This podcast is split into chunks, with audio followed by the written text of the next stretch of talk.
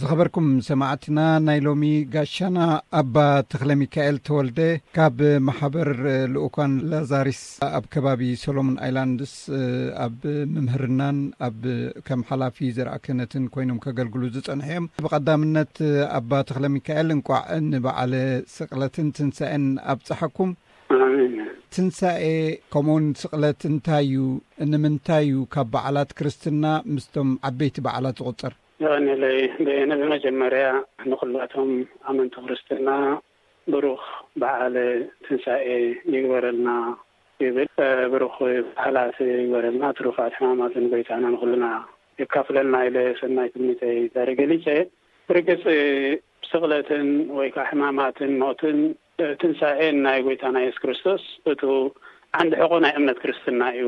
ንሕና ክርስትያን ኣብቲ ዝሞተን ዝተሰቕለን ክርስቶስ እንኣምን ከምቲ ቅዱስ ጳውሎስ ዝብሎ እቲ ናይ እሁድ ዕሽነት ንኣረማውያን ከኣ ከምኡ እንታይ ኮይኑ ዝስማዕ ንዓና ግን ንሕና ንሕና ክርስትያን ግን ነቲ ዝተሰቅለን ዝሞተን ክርስቶስ ኢና ነበስር ይብል ስለዚ ክርስትና ኣብቲ ምእንታና ዝሞተን ዝተቀብረን ዝተንስእን ክርስቶስ ምእማን እዩ እሞ ከኣ ኣብ ሳልሳይ መዓልቲ ከኣ ዝተንስእን ስለዚ ካብቶም ዓበይቲ በዓላት ጥራሕ ዘይኮነስ እቲ ዝዓበ በዓል ናይ ክርስትና ከምዚ ሰንበት ዝዓበት መዓልቲ ናይ ሰሙን እትበሃል ትንሳኤ ከኣ ዝዓበት መዓልቲ ናይ ዓመት እያ ብፍላይ ንሕና ተኸተልቲ ናይ ስርዓተ ምስራቃዊ ስለ ዝኾንና ምስራቃውያን ዝዓበ በዓልና ትንሳኤ እዩ ምኽንያቱ ብትንሳኤ እዩ ስዕረት ናይ ሞትን ናይ ሓጢኣትን ዝተረጋገጸ እቲ ህይወቱ ምሉእ ድላይ ኣቦኡ እናፈጸመ ዝነበረ ክርስቶስ፣ ድሕሪ እቲ ዅሉ እቲ ዝበጽሖ ኣብ ምድራዊ ህይወቱ፣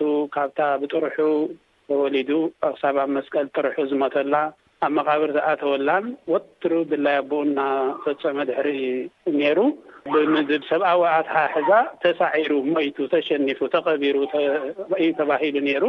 ነቲ ኩሉ ኣይኮነን ተዓዊቱ እባ ስዒሩ ተባሂሉ ብትንሳኤ እዩ እዚ ሓቅነት እዚ ዝተረጋገጸ ስለዚ ትንሳኤ ንዓና ልዕሊ ኩሉ ጸገምናን ልዕሊ ኩሉ ሽግርናን ዓወት ከም ዘሎ ሂወትና ብምሉኡ ብመንጽር እዚ ትንሳኤ እዚ ከም እንነብሮ ዘረጋግጸና እቲ ዝዓበየ ተስፋናን እምነትናን ስለዝኾነ በዓለ ትንሳኤ እቲ ዝዓበ በዓል ናይ ክርስትና እዩ። ሕራይ ኣባ ተክለሚካኤል ኣከባብራ ስቅለትን ትንሳኤን ኣብ ኣመንቲ ክርስትና ማለት ኣብ ዝተፈላለዩ ሃገራትን ሃይማኖታትን ከመይ ይመስል? እወ ብመሰረቱ ኣብ ክልተ ክመቕሎ ይመርጽ ሓደ እቲ ላቲናዊ ስርዓት ዝኽተል ካቶሊካዊ ዓለም ብመሰረቱ እዩ።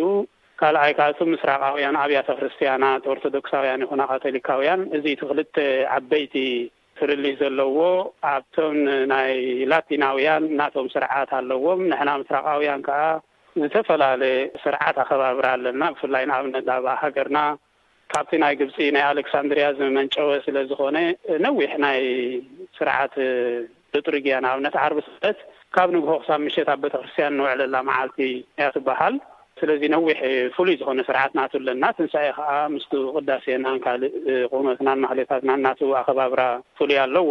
ኣብቲ ላቲናዊ ዓለም ግን ካልእ ዝተፈላለ ኣኸባብራ ኣገባባትን እዩ ዘለዎም። ብፍላይ ንዓና ንምስራቓውያን ትንሳኤ እቲ ዝዓቢ በዓል እዩ። ንላቲናውያን ምናልባት ልደት ይኸውን ዝዓቢ በዓል። ስለዚ እዚ ክልተ ፍልልይ ኣሎ።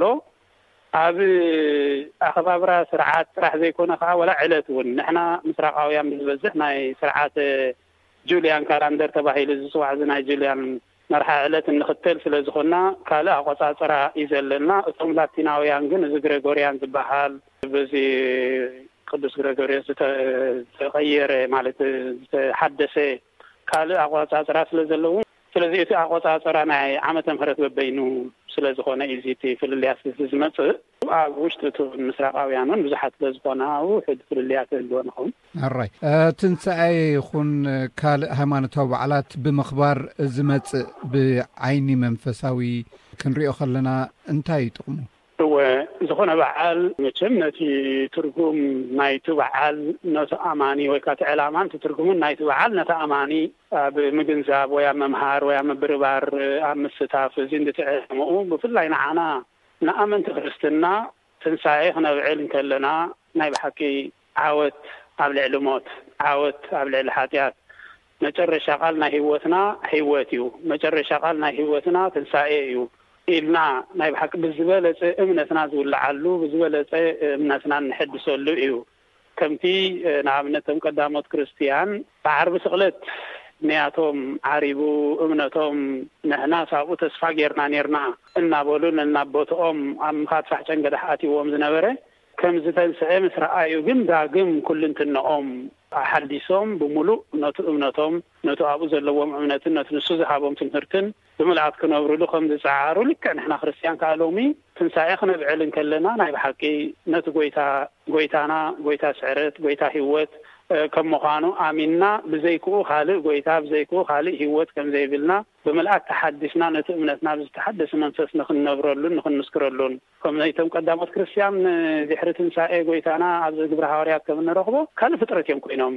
ብእምነቶም ይኹን ብርክባቶም ብፍቕሮም ይኹን ዘለዎም ብምውፋይ ነዚ ገንዘቦም ኣብ ኢድ ሃዋርያት ብምውፋይ ንዅሉ ከከምቲ ኣድላይነቱ ይተዓደል ኣብ ምባል ይኹን ነዚ ክርስቶስ እዚ ነዚ ዓወት እዚ ነዚ ትንሳኤ እዚ ንኸበስሩ ንዝዀነ ይኹን ስደት ይኹን ወላ ጸገም ይኹን ኸይተሓልኩ ኣዝዮም ብእኡ ተወኒኖም ብእኡ ተሰሊቦም ወናማት መስከርቲ ናቱ ክኾኑ ከም ዝጸዓሩ ሎሚ ውን ንሕና ኣመንቲ በዓለ ትንሳኤ ክነብዕል እንከለና ናይ ብሓቂ እዚ ስዕረት ናይ ጎይታ ኣሚንናስ ኣብ ሕይወትናን ኣብ ጉዕዘናን መብራህቲ ናይ ሕይወትና ሓይሊ ናይ እምነትና ኮይኑ ምእንቲ ክመርሓና ኣብኡ ክንሳትፍ እምነትና ክነሐድስ ናይ ብሓቂ ብዝተሓደሰ መንፈስ ደጊምና ነቲ ጠሊምናዮ ዝጸናሕና ደኺምናዮ ዝጸናሕና ኣበራቢርናስ ብዝተሓደሰ መንፈስ ኣብ ጎደና ሕይወት ኣብ ጎደና ድሕነት ኣብ ጎደና ሰላም፣ ኣብ ጎደና ፍቕሪ ንኽንጓዓዝ ዘዘኻኽረና፣ ዘበራብረና በዓል እዩ።